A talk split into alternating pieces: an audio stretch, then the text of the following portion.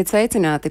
Ņemot vērā, ka elektrības cenas aizvien kāpju, tas atstāja ievērojamu robu mūsu maciņos, mūsu mājasaimniecības budžetā. Tas veido vērā ņemamus izdevumus, tad ir svarīgi saprast, vai tas esošais līgums un esošais tirgotājs piedāvā patēriņam un arī, protams, patērētāju ieradumiem, proti mums to atbilstošāko un izdevīgāko līgumu un kādi tad ir tā līguma nosacījumi.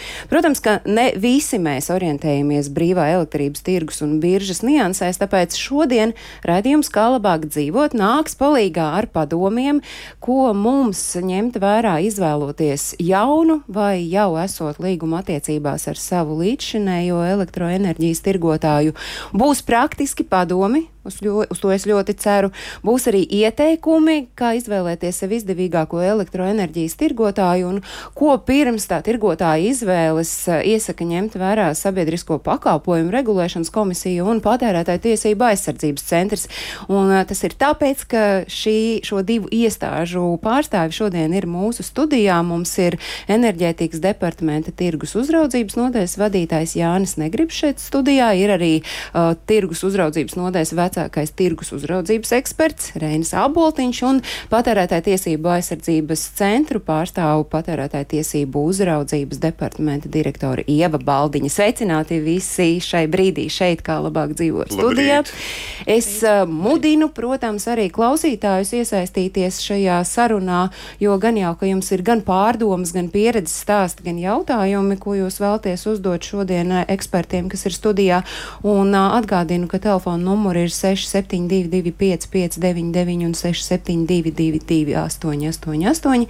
Varat arī rakstīt, ieejot Latvijas radio viens mājaslapā, atrodot raidījumu, kas šobrīd skan ēterā, raidījumu, kā labāk dzīvot, un sūtiet tiešo ziņu tur. Raidījuma producente ir Loreta Bērziņa, pie skaņa pulta šajā stundā Katrīna Bramberga, bet šeit Studijā pie mikrofona būšu es, Agnese Drunka. Nu, elektrība, protams, tagad uh, man ir tā sajūta, ka ratus taisi uh, ziemā, ragavas vasarā, tāpēc, ka elektrību vasarā, nu, tā nosacīti, tomēr mēs tērējam mazāk nekā uh, ziemā. Ziemā mēs tērējam vairāk, vasarā patēriņš ir zemāks. Uh, Pērni, saprotu, pirmajā ceturksnī mēs Baltijas valstīs esam tērējuši elektrību, elektroenerģiju patērējuši līdzīgi kā, kā šogad maksājuši gan esam vairāk. Vai mēs, vai es varu lūgt jūs raksturot, kāda ir tā elektrības cena šobrīd, un jūs noteikti zināt, kam mums vēl ir jāgatavojas? Nu, jā, varbūt tad es ievadam iesildīšanās nolūkos. Uh, protams, uh, te ir diezgan plašs lietu lokus. Es varbūt sākšu to mazliet atgādināšu to cenu dinamiku, kāda ir bijusi. Uh, Brīvo tirgu mājasemniecībām atvēra 2015. gada 1. janvārī, un no tā brīža mājasemniecības varēja un tām arī vajadzēja izvēlēties kādu no līguma veidiem ar kādu no tirgotājiem. Kas nu- notika, ja neko neizvēlējās? Ja neko neizvēlējās, tad palika ar tādu līguma veidu, ko sauc par universālo pakalpojumu, proti tajā brīdī, nu, teiksim tā, tiem, kuri vai nu nelikās nezinis, atvainojos, ja vienkārši vienkārši nelikās nezinis, vai kuri nezināja īsti, kādu izvēli izdarīt, tiem automātiski palika līdz tam esošais tirgotājs. Tas līguma veids bija universālā pakalpojuma līgums. Un tajā brīdī, lai cik tas tagad ar šodienas perspektīvu dīvaini neizklausītos, tā bija dārgākā elektroenerģija, kādu varēja nopirkt. Tā bija stipri dārgāka par biržas cenu. Elektroenerģija biržā maksāja krietni zemāk, un, bet ļoti daudzi tajā brīdī, kad tirgu atvēra, baidījās vēlas izdarīt izvēli par labu mainīgam, mainīgas cenas līgumiem, tādēļ lielākoties cilvēki palika ar fiksētas cenas līgumiem. Tā situācija 5-6 gadu laikā līdz pagājušā gada pavasarim pakāpeniski mainījās, un cilvēki izvēlējās fiksē, mazliet mazāk fiksētas cenas līgumus un pārgāja uz biržas cenas līgumiem. Bet nu, šobrīd situācija pēdējā gada laikā, protams, atkal ir mainījusies. Ja atceramies, tad pagājušajā gadā maijā vēl bija pēdējās, nu, vienkārši izsakoties, normālās elektroenerģijas cenas vai tās ierastās elektroenerģijas cenas. Un jūnijā jau vidējā cena biržā aizgāja virs 70 eiro par megawatu stundu vai 7 centiem par, par kilovatu stundu. Un, Tas vienkārši izraisīja nu, teiksim, tā, zināmas svārstības, pēc tam šī cena ir tikai augusi. Noristījusi, vārstījusies arī, bet gājusi uz augšu, teiksim, vidēji. Tā kopējā kopsakarība ir tāda, ka vasarās, kā jūs Agnes teicāt, jau vasarās šī cenai, cenai tendence būtu augstākai, lai gan mēs tērējam mazāk. Vasarā un rudenī parasti un ziemā un pavasarī tā mēdz būt mazāk. Un tas ir saistīts ar dažādiem faktoriem, bet primāri saistīts ar to, kādā veidā elektroenerģija tiek saražota. Uh, kādi resursi tiek izmantoti un kādas tehnoloģijas. Bet uh, taisnība tā ir, vasarā tērējam mazāk, bet uh, cena par vienu vienību ir augstāka. Bet mums vienkārši šķiet, ka vasarā elektrība ir lētāka tādēļ, ka mēs vienkārši tērējam mazāk. Un tādēļ tīri tāda intuitīva tā sajūta ir, ka vasarā viss ir labāk un lētāk, bet patiesībā īstenībā ir tieši otrādi. Bet tā problēma šajā situācijā ir tā, ka mums šis cenu kāpums ir bijis tik dramatisks, ka to es domāju, negaidīja neviens tirgus dalībnieks, ka tik ļoti celsies cenas. Eh, es pacēlu augšā kādas pērnā gada eh, vasaras, apmēram pirms 12 mēnešiem, kādas bija prognozes, tur prognozēja, ka nu, varētu būt ap 90-100 eiro tā vidējā cena. Ziemā mēs vēl daudzi, tā skaitā eksperti, nu, skatoties tās tirgus tendences, domājam, jā, nu, pāries šī lieta, tas bija pirms februāra pirms Krievijas iebrukuma Ukrajinā. Mēs domājām, jā, pavasarī atgriezīsimies pie palu laika. Cena nokritīs vidējā apmēram 80 eiro par megawatu stundu līmenī. Nekā mēs esam saglabājuši, diemžēl tirgu ir saglabājusies ļoti augsta elektroenerģijas cena, un tas, protams, ir stimulējis ļoti aktīvi lietotājiem, tiem, kuriem bija biržas cenas, izvēlēties fiksētas cenas līgumus, un tiem, kam bija fiksētas cenas līgumi, tie savukārt ar milzīgām bažām un citi ar šoku un izbrīnu skatījušies, kā mainās uh, viņu līgumos šī fiksētās cenas summa. Un pie tā, es domāju, mēs vēl nonāksim tālāk. Bet fakts ir tāds, 5, 6 gadus no 15. gada līdz 2021. gada mājām mēs dzīvojām zaļi. Tiešām biržā cena bija laba. Uh, bet kopš jūnija mēs vairs nedzīvojam tik zaļi. Un, uh, tagad ir uh, nu, teiksim, ļoti rūpīgi jāizvērtē un jāskatās, ko tirgotāji liek galdā šajā brīdī. Lai gan arī tās fiksētās cenas, ko šobrīd tirgotāji liek galdā, liek sirdī sažņaukties. Jautājums par uh, tiem uh, līgumu veidiem. Uh, es lūkšu jūs izskaidrot, tad universālo ieskicēja, ko nozīmē fiksētais līgums, ko nozīmē biržas cena, jeb mainīgais līgums. Tad tas universālais līgums, um, ko Reinis minēja, kas palika principā tiem lietotājiem, kas neizvēlējās citu tirgotāju un citu produktu, uh, tas ir likumā noteikts līguma veids, kas paredz, ka ir uz gadu fiksēta cena, un tas nozīmē, ka tirgotājs šo gadu šo cenu nevar pārskatīt. Tātad līgumā nevar uh, ielikt punktu par cenas pārskatīšanu. 12 mēnešu fiksēta cena. Uh, universālā līguma plus ir arī tāds, ka šajā līgumā nevar ielikt. Uh, kaut kādas sankcijas par uh, līguma pirmstermiņa izbeigšanu. Tas nozīmē, ja uh, lietotājs saprot, ka universālais pakalpojums vienā brīdī paliek uh, neizdevīgs un izdomā nākošo mēnesi doties pie cita tirgotāja, tirgotājs nevar piemērot līguma pirmstermiņa izbeigšanas maksu. Fiksētajā? Fiksētais savukārt ir, ir līgums, kurš arī paredz fiksētu cenu, bet te jāņem vērā, ka fiksētajā līgumā var parādīties šīs līguma pirmstermiņa izbeigšanas maksas, un fiksētajā līgumā var parādīties, un šobrīd arī parādās lī, līguma cenas pārskatīšanas iespējas. Tirgotājs var atrunāt, ka šī cena, piemēram, reizi vai divas reizes gadā var tikt pārskatīta. Savukārt, tad mainīgais biržas tarifs Tas ir nevis tarifs, bet līgums. Tas ir cena seko biržai. Katru stundu cena ir cita, jo biržā cena tiek noteikta pa stundām. Un tad, attiecīgi, ja šis viedais skaitītājs un sadalījums tīkls ir solījis, ka šogad visiem, kas vēlās, un visi, kas ir ielaiduši mājoklī, viedais skaitītāji būs uzstādīti līdz gada beigām, ja šis viedais skaitītājs, tad viņš nolasa, cik konkrētā stundā ir patērēts, biržā pretī šīs stundas cena un sarēķina mēneša beigās sarēķina patēriņa cenu. Katram, var teikt, izveidojās tāda unikāla, mainīgā cena, bet nu, tur ir jāsako līdzi biržas cenai un jāskatās, kuros brīžos varbūt šī cena ir lētāka lētāk, tad ir iespējas iekonomēt, ja viņi ir dārgāk, tad iespējams ar patēriņu pārcelt uz citām stundām. Pēc mirklīša es jautāšu Rēnim, jo zinu, ka Rēnis jau kopš 2015. gada dzīvo šajā biržas uh, līgumā.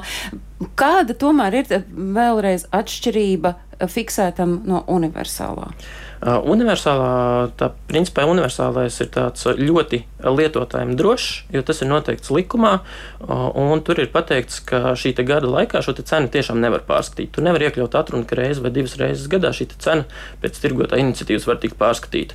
Un otrs universālā līguma pluss ir tas, ka tur nav nekādu pirmstermiņa līguma izbeigšanas sankciju. Izdomāju, ka došos pie cita tirgotāja, līgumu pārtraucu.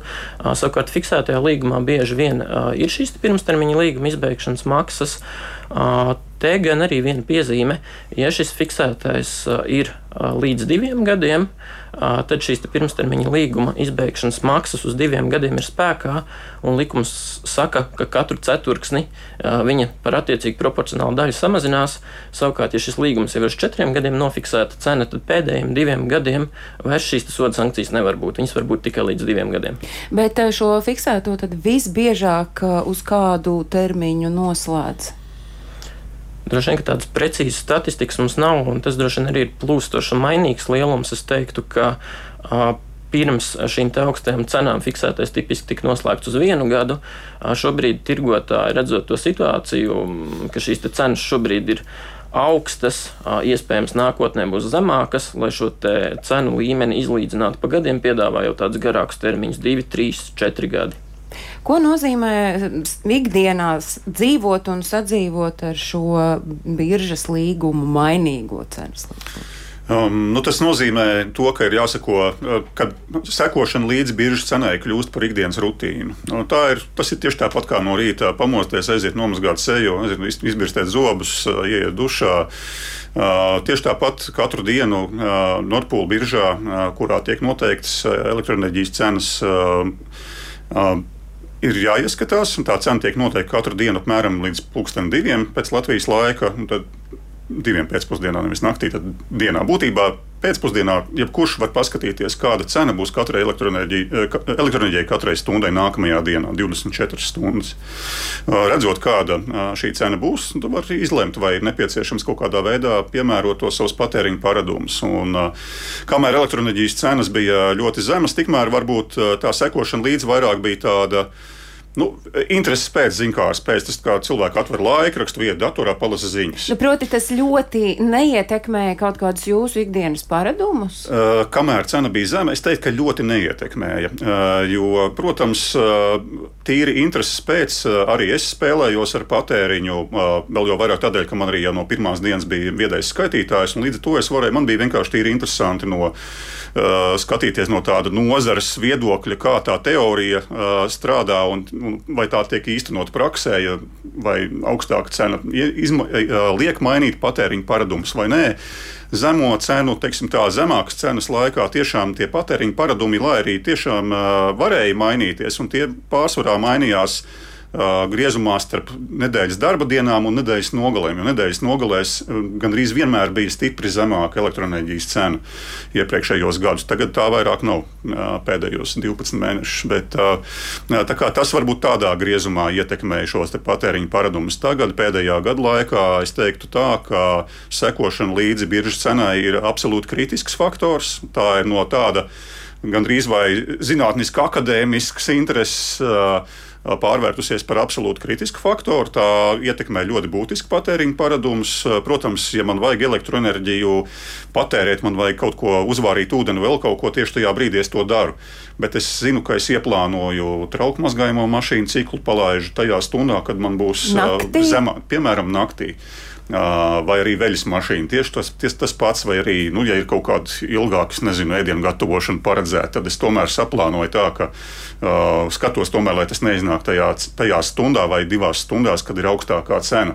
Jo tas triks ar biržas cenu ir tāds, ka pīķa, tā saucamās pīķa stundas no rīta parasti tās ir pāris stundas un pāris stundas vakarā tā cena var būt krietni. Tā var būt ar kārtu divi reiz, divas, trīs, četras, pat piecas un desmit reizes augstāka nekā pārējā vidējā dienas cena. Un tas nozīmē, ka ja tu patērēsi vairāk, lielāko daļu sava patēriņa izdarīsi šajās pieķa stundās, tad tavs rēķins būs krietni virs vidējā biržas cena, tad nāksies vienkārši ļoti dārgi samaksāt. Tā ir tā lielākā uh, atšķirība. Tagad, ja es teiksim, ļoti būtiski ierobežoju savu patēriņu tieši šajās dārgākajās stundās. Tas nozīmē, ka es nu, izgriežu ārā tās patēriņa pieejas stundā, un man cena beigās iznāk diezgan pievilcīga pret uh, biržas, vidējo biržas cenu.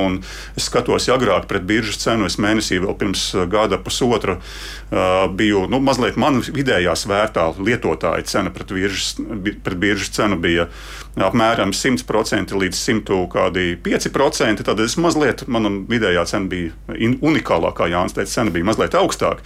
Tad tagad man tā ir jau diezgan labi un smuki zem biržas vidējās cenas, jo es patēriņu esmu mainījis. Tā ir tā galvenā lieta, kas būtu jāievēro visiem, ja izvēlās biržas cenas līgumu sekošana līdzi biržas cenai ir obligāta. Pretējā gadījumā jūs varat uh, mēneša beigās. Uh, jums var rasties nepareizs priekšstats par to, nu, par biržas cenām. Jo biržas cenas nav labas vai sliktas pašas par sevi. Ir, tava rīcība ir jāpiemēro. Tātad veļu mazgāt naktī, televizoru arī skatīties tajā brīdī, kad uh, neviens cits to nedara, tad tā biržas cena varētu mm, būt pievilcīga. Paradumu maiņa noteikti. Uh, te ir viens ļoti konkrēts jautājums uh, no klausītājas, kur jautā, kāpēc Nordpool biržas cena aplikācija, nu, proti lietotnē, viņu lietotnē, Nordpool lietotnē un uh, konkrēti elektropakalpojumu pakalpojumu sniedzēja elektrumu lietotnē atšķiras par stundu, un tad cilvēks saka, viņš nevar saprast, kura tad ir īstā. Jā, tā atšķirība rodas tāpēc, ka Nordpūļa birža ir izvietota Skandināvijā, un attiecīgi tas cenas tiek publicētas pēc Skandināvijas laika. Attiecīgi mums ir viens stundas atšķirība. Elektruma lietotne savukārt jau ir pielāgota Latvijas klientiem, un elektruma parādīs šo cenu pēc Latvijas laika. Tā kā pilnīgi noteikti klausītāja jautājums vietā, ja skatāmies Nordpūļa lietotnē, tad atceramies, ka mums ir jāskatās stundas, atšķir, viens stundas atšķirība. Bet pati tā cena nevarētu būt atšķirīga? Pati cena par sevi atšķirīga nevarētu būt. Bet, ja bet ir? tas, kas varētu būt atšķirīgs, ir tas, ka tirgotāji savā lietotnē norāda ne tikai Nordpūļu cenu, bet, bet tirgotāji savā lietotnē varētu pielikt jau klāt arī teiksim, tā, tirgotāju uzcenojumu sadalas sistēmas pakalpojumu, veidot šo cenu jau kā kā cenu, kas ietver arī sistēmas pakalpojumus, kurus, protams, Nordpūļa uh, birža neuzrāda, jo, jo Nordpūļa biržai par, par nacionāliem jautājumiem um, teiksim, tā nav darīšana. Šobrīd mēģināsim saprast, uh, kurš tad uh, Latvijā ir tas populārākais no šiem iespējamiem elektro uh, lietošanas veidiem.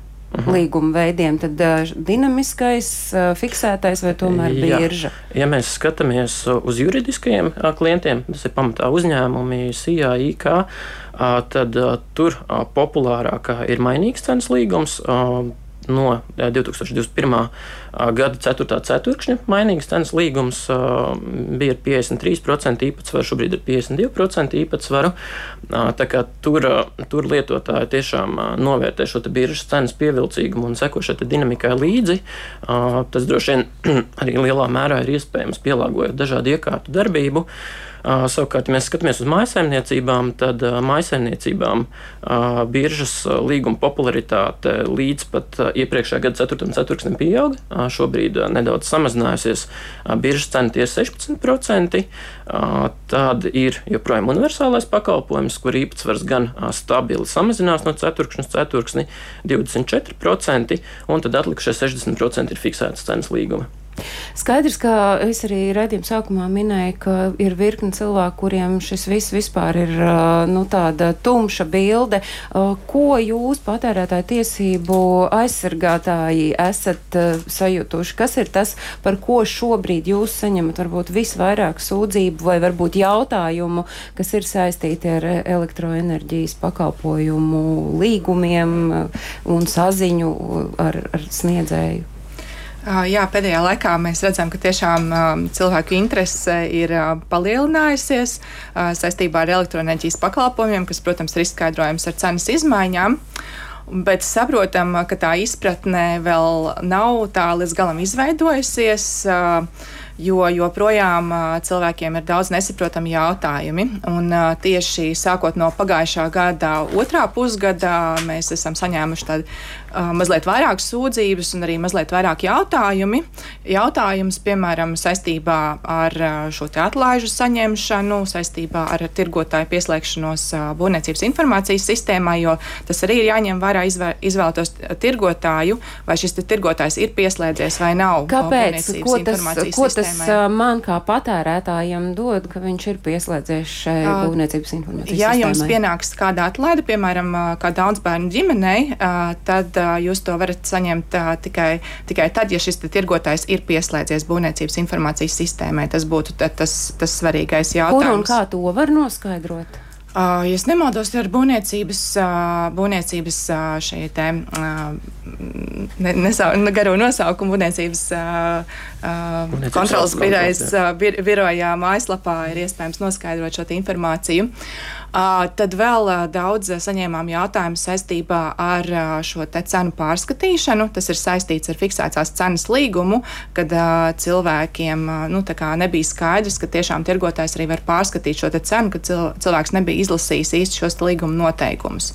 Šajā sakarā mēs arī vērsām tirgotāju uzmanību, ka tirgotājiem piedāvājot un reklamēt šos pakalpojumus un sakot, ka cena būs spēkā divus vai četrus gadus, ir tomēr jānorāda, ka pie noteiktiem nosacījumiem šo cenu ir iespējams pārskatīt. Jo nu, tā patērētājiem skatoties, o, man būs divus gadus fiksēta cena, viņš varbūt nu, neiedziļinās un neizlasa līdz galam līgumu, ka tomēr šo cenu ir iespējams pārskatīt. Tad arī jā, ir daudzi varbūt neizprot šos izlīdzinātos maksājumus.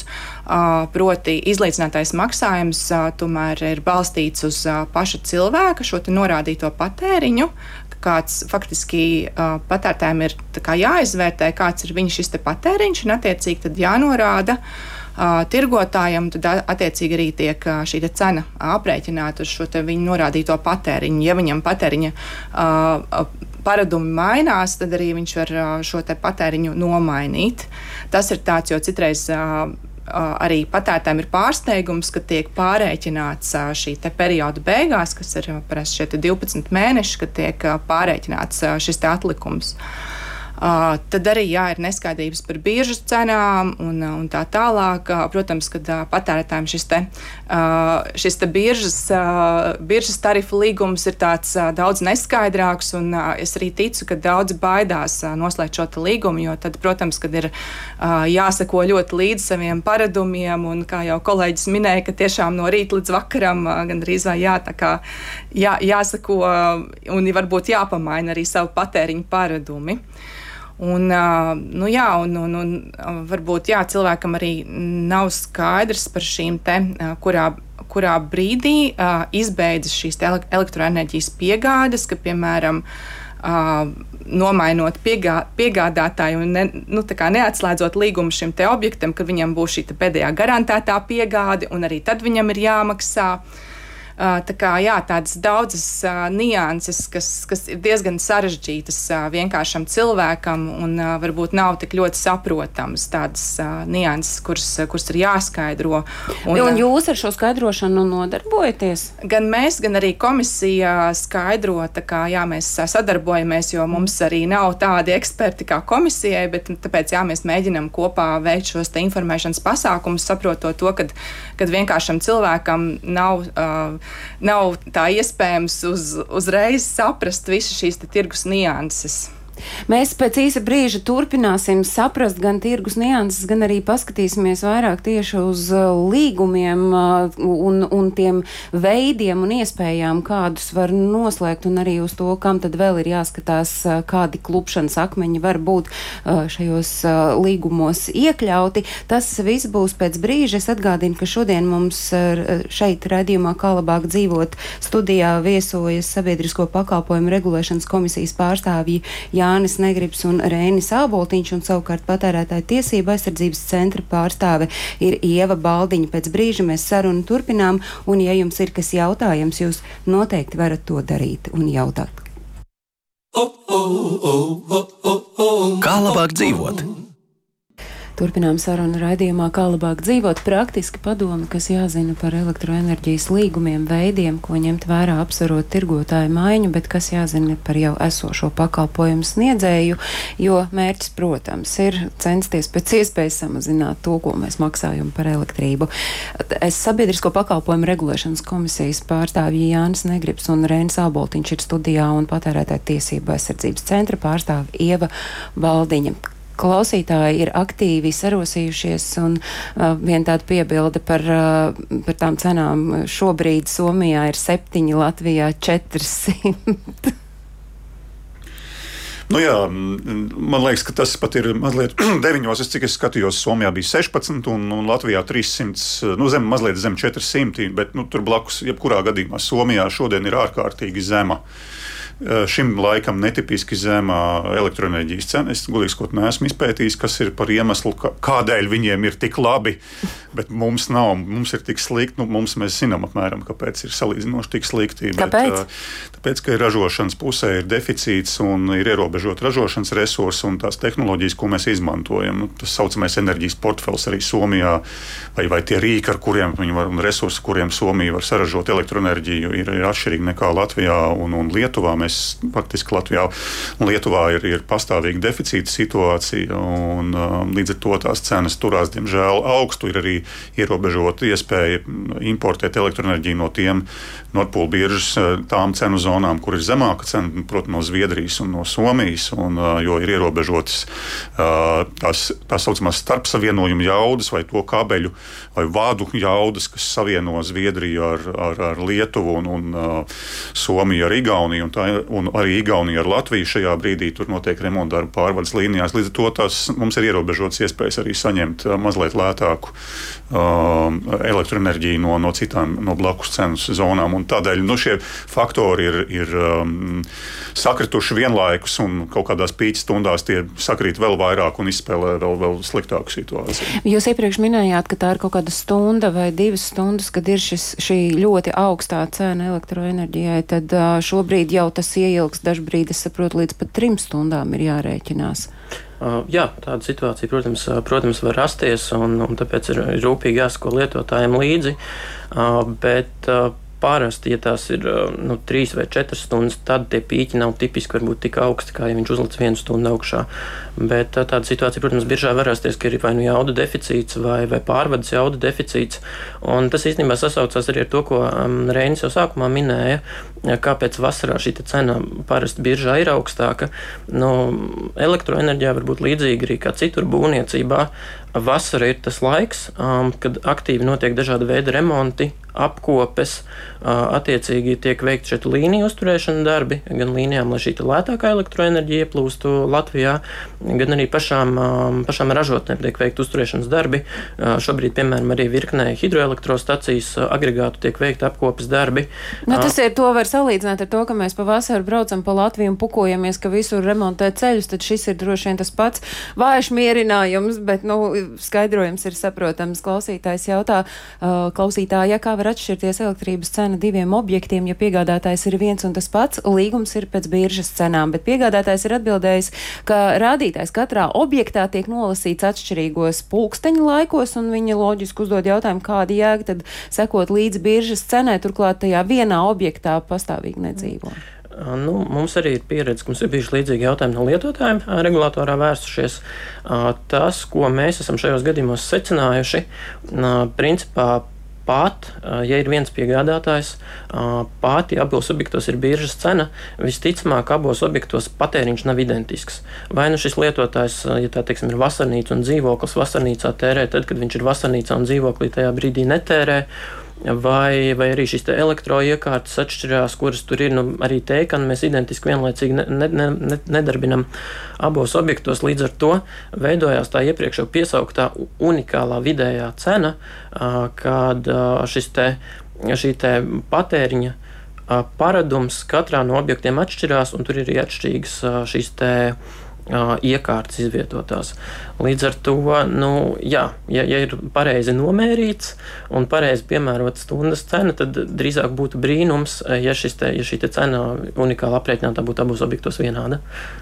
Jautājums par to, kur tās biržas cenas apskatīties, un nevis aplikāciju, proti, lietotni tiem, kuriem nav glaudāmo telefonu, un te arī kāds klausītājs piebilst, ka Latvijā joprojām nav oficiāla mājaslapa biržas tarifam.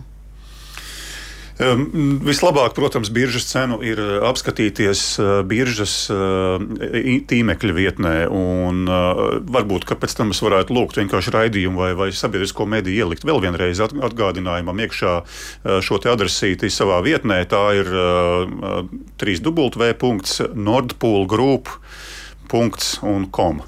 Un, tā ir vietne, kurā var redzēt biržas cenas aktuālās, un kas nav lietotne, kas ir internets. Internetā nu, vienalga datoru, protams, vajadzēs vai nu viedierīci vai, vai, vai datoru. Un, Tur gan ir jāņem vērā, ka ir šī jau Jāņa pieminētā stundas atšķirība. Tur ir jāskatās, jāsako rūpīgi laikam līdzi. Tātad Nordpūles sistēmas cena, tas, ko jūs redzēsiet Nordpūles mājaslapā, tā ir, tas ir Latvijas laiks mīnus viena stunda. Latvijā tad, tad skatāmies Nordpūles mājaslapā, redzam pulkstens 12. Tas nozīmē, ka pie mums jau Latvijā būs pulkstens 13. Bet nav tā, ka tā ir tāda niša, ka tomēr būtu forši, ja tas būtu Latv nu, šeit pielāgots, lai tā, tam mm. cilvēkam cilvēkam, jo es klausos un es domāju, ja man tagad šo visu izstāsta, es, nē, es, es vienkārši padodos uzreiz. Biržas uh, līgums, mainīgā cena, tas nebūs mans, jo tas nozīmē, ka man vēl ne tikai ir jāseko līdzi visām tām izmaiņām, man ne tikai ir jārēķina, kad es ēdīšu, kad es uh, mazgāšu veļu vai traukus, vēl man ir arī jārēķina stunda šurpu turpu, vai, vai tas ir tik sarežģīti, ka tas būtu šeit Latvijas patērētājiem? Nu, liet, principā jau lietotājiem, elektronikas lietotājiem, katram ir attiecības ar savu tirgotāju. Un, principā, tirgotāju mājaslapās, cik es esmu redzējis, nu, tur visur tirgotāji parāda aktuālo biržas cenu pēc Latvijas laika. Līdz ar to es teiktu, var arī neiet Norpūļa mājaslapā, var vienkārši ieiet savu tirgotāju mājaslapā un paskatīties. Vienkārši turēt, ja ir dators ieslēgts vai ir vieta tālrunis, tad var uzlikt šo īstu ceļu, nogriezni un, un vienkārši turēt to sev zināšanai un paskatīties. Jūs minējāt, ka katram um, elektroenerģijas patērētājam ir attiecības ar savu elektroenerģijas um, pakalpojumu sniedzēju. Cik tādu šobrīd uh, Latvijā ir? Un, uh, godīgi sakot, es vakar ieskatījos uh, arī tajās, tajā vietnē, kur es varētu izvēlēties to, ko es varētu izvēlēties. Mēs šeit minējām trīs veidus - mainīgais, universālais, fiksētais. Tad, kad es atveru to lapu, tur ir uh, stabilais, dinamiskais, ekonomiskais standarta, universālais, garantētais. Kā tagad cilvēkam neapjukt? Skaistais, uh, tam pēc tālāk, 60, jā. tam, kam vēl nav, nav 30. Kad vairs nebūs 16. Jā, tā tālāk, ko, jā. kā, mhm. kādi ir tie jūsu padomi, ko darīt, kā, pēc kādiem kritērijiem ir jāizvēlas tas savs tirgotājs? Nu, varbūt uz, uzsākot par to, cik mums tādu ir. Uh, tirgotāji mums ir pietiekami daudz, mums ir reģistrēta vairāk kā 20 tirgotāji. Uh, protams, ne visi šie tirgotāji apkalpo uh, mājasaimniecības. Ir arī tādi tirgotāji, kas ir orientējušies uh, tikai un vienīgi uz juridiskajām personām. Uh, kā izvēlēties, nu, tāds varbūt vieglākais padoms sākumā ir, ir doties uz kādu no šiem interneta salīdzināšanas rīkiem. Šobrīd ir divi salīdzināšanas rīki pieejami. Ir www.enerģija24.lv un www.elektroenerģija.lv. Ievedīt tur šo savu patēriņu Viņš neprasīs ne personas datus, ne kaut kādus tādus ļoti sensitīvus jautājumus, tikai šo patēriņu un pieslēgumu parametru.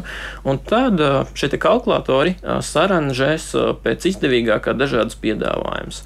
Mm, tas, ko es teiktu, solīts nākošais, ko darīt, neapstāties pie šī kalkulatora, vēl šorīt arī pār, pārbaudīju, viņi nevienmēr ir simtprocentīgi precīzi.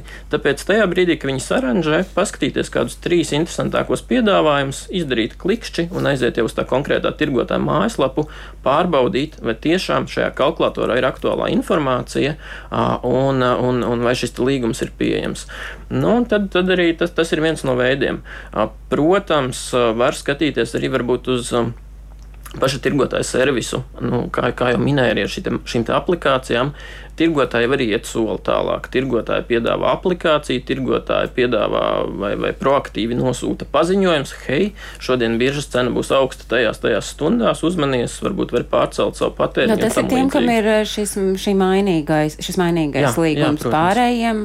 Jo es redzēju tajā brīdī, kad, eh, kad jūs sacījāt, ka tirgot, nu, ka izlec šī pievilcīgā cena, tajā brīdī patērētāja tiesība aizsardzības centra pārstāvi tā, nu, tā nopūtās. Kas, eh, kas ir tas, ko jūs sakāt, no kā šeit ir jāuzmanās? Es, es ieteiktu sazināties arī ar šo elektroenerģijas tirgotāju un noskaidrot visus neskaidros jautājumus. Jo iespējams, jā, šim te attiecīgajam cilvēkam pienāks atlaide, tā kā tas ir jārēķina.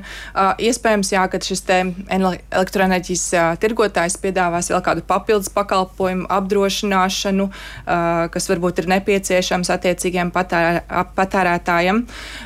Tāpat arī ir jāņem vērā, ka cena veidojas no, no vairākām komponentēm, kas ir šī elektroenerģijas cena, tad ir sistēmas operatora not, noteiktais tarifs un tad, tad vēl OIK un vēl pievienotās vērtības nodoklis. Tas viss, tas viss ir jāņem vērā.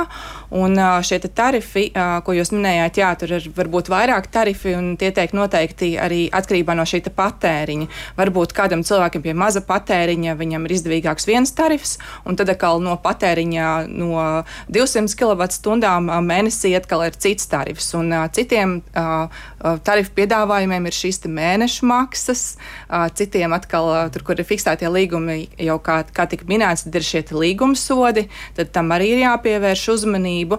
Tā kā ļoti daudz tādas nianses, kas būtu jānoskaidro. Un arī ir jāatceras, ka šis te piegādātāju tirgotāji var mainīt, pies, piesakoties līdz 15. datumam katram mēnesim. Un vēl ir tāda nianse, ko varbūt cilvēki nezina, un varbūt tirgotāji īpaši neuzsver, ir tas, ka, ja, tiek, ja kāds tirgotājs tā proaktīvi zvana un piedāvā pa telefonu kādu izdevīgu piedāvājumu, un, un patērtājs piekrīt, tad viņš var atteikties no šī līguma 14 dienu laikā, un viņam nevar piemērot līguma sodu, jo mēs esam šādas sūdzības saņēmuši, ka kāds tomēr mēģina šo līguma sodu piemērot šajā 14 dienu laikā, nevar piemērot līguma sodu sodu. Tā kā, tās ir tādas nianses patiesībā, jā, kas būtu jāpārdomā, bet es teiktu, ka tas primārais ir šis patēriņš un nu, arī šie paradumi tomēr, jā, kā, ja, vai cilvēks ir gatavs, piemēram, šo biržas tarifu, vai viņš tiešām ir gatavs varbūt mainīt nedaudz savu ikdienu.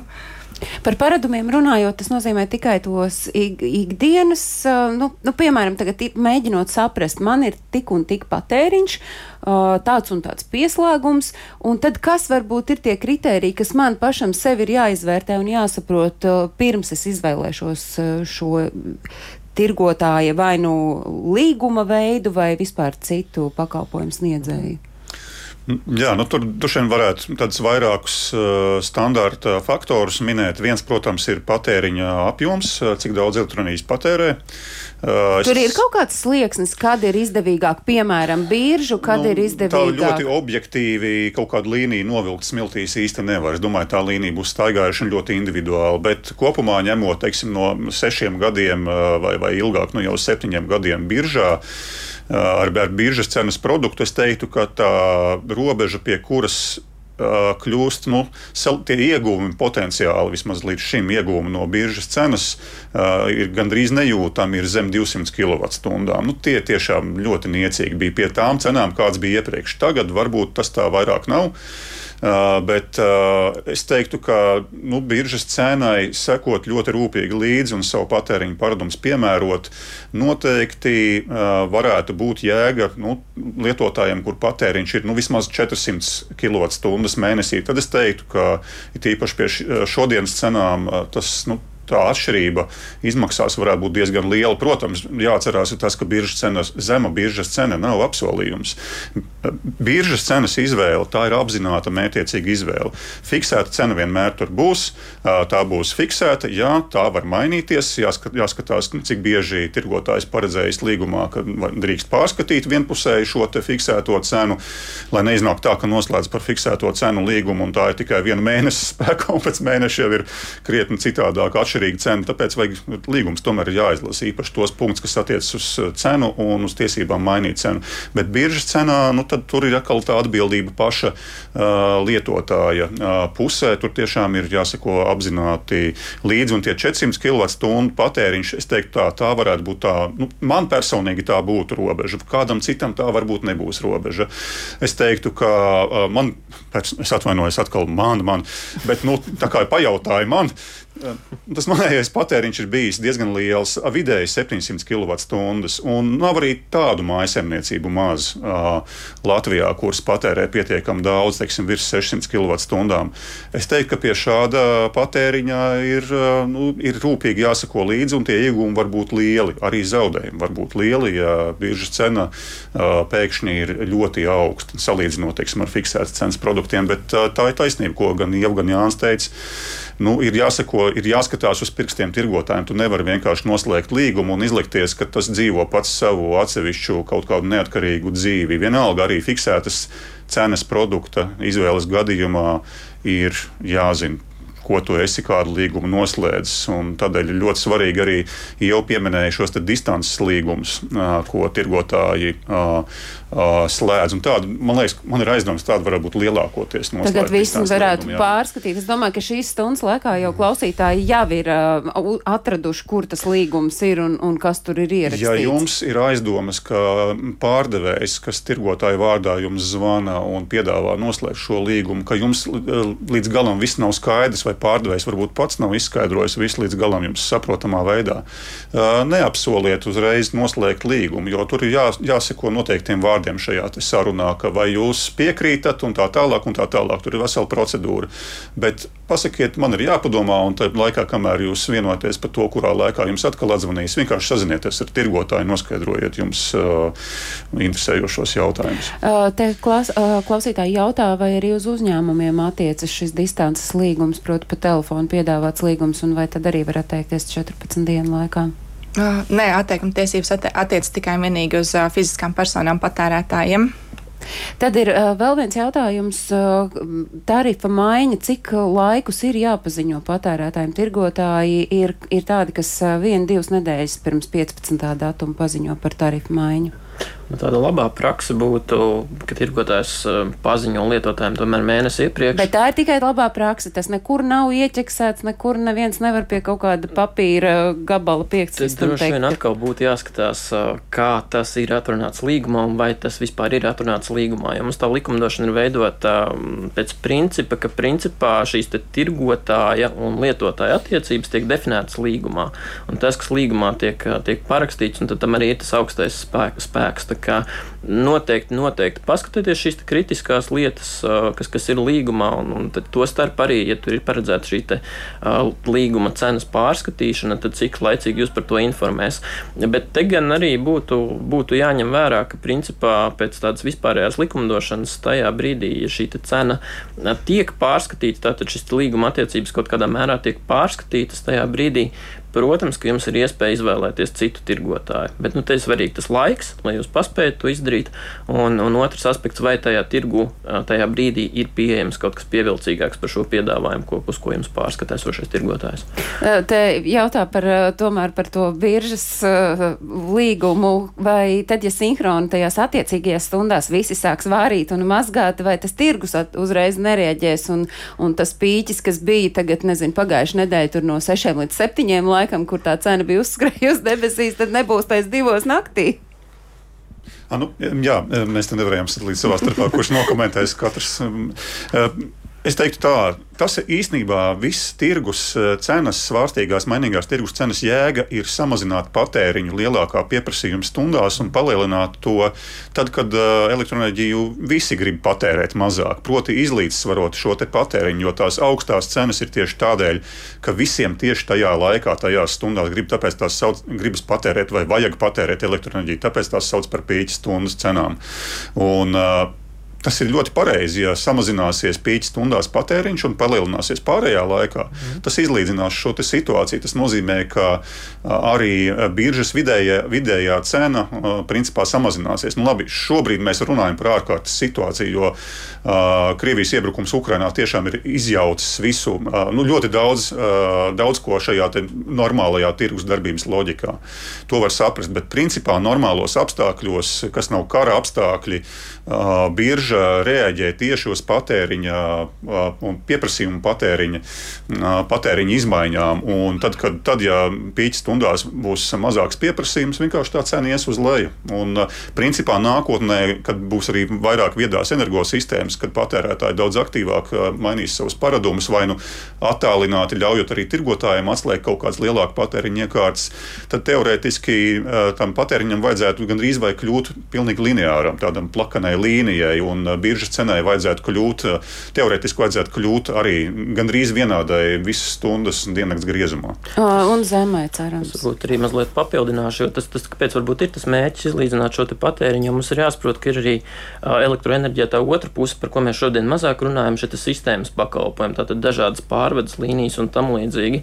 Un lai šīs pārvades līnijas, kas arī, protams, ir dārgi kapitāla ieguldījumi, nebūtu jābūvē vēl un vēl, tad visu mūsu interesēs būtībā ir šo patēriņu izlīdzināt, lai viņš ir līdzenāks, lai nav šo pīķu, lai nav vajadzīgas uh, sistēmā liekas rezerves jaudas, un tad mēs varam cerēt arī nākotnē uz zemākiem tarifiem tajā pusē, kas ir sistēmas pakalpojumu tarifi. Un tas, ka uz zemākiem tarifiem cilvēki cer, tas ir ļoti spilgti un spēji jaušams, tais vēstulēs, ko viņi raksta, ir pikti un, un loģiski, ka tur droši vien, ka tas skaidrojošais darbs ir jāveic mums visiem kopīgi vēl un vēl, jo skaidrs, ka ar vienu stundu, kurā mēs gribam uzzināt, kā labāk dzīvot, tāpat mēs visu nevaram izzināt.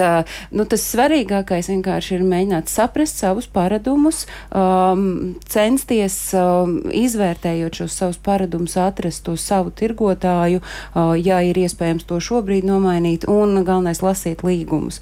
Bet tas ir laikam tas, ko vienmēr un uh, visās situācijās mēs atgādinām un jautājiet. Jautājiet vēlams pirms līguma noslēgšanas, jo varat jautāt mums, varat jautāt patērētāju tiesību aizsardzības centram. Ja jo pēc līgums... tam to izsmelt ir daudz grūtāk. Tas ir līdzīgi kā ar to izlieto ūdeni.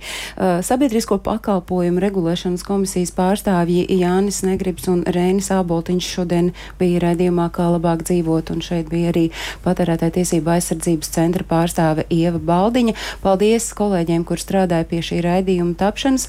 Mēs ar jums jums, klausītāji, tiekamies jau rīt. Rītdien mums saruna uh, zināmā mērā līdzīga par to, ka viss tik dārgs, viss tik dārgs uh, par. Uh, par to, kā mēs sildīsimies uh, tuvākajā nākotnē, kādus apkurs veidus izvēlēties.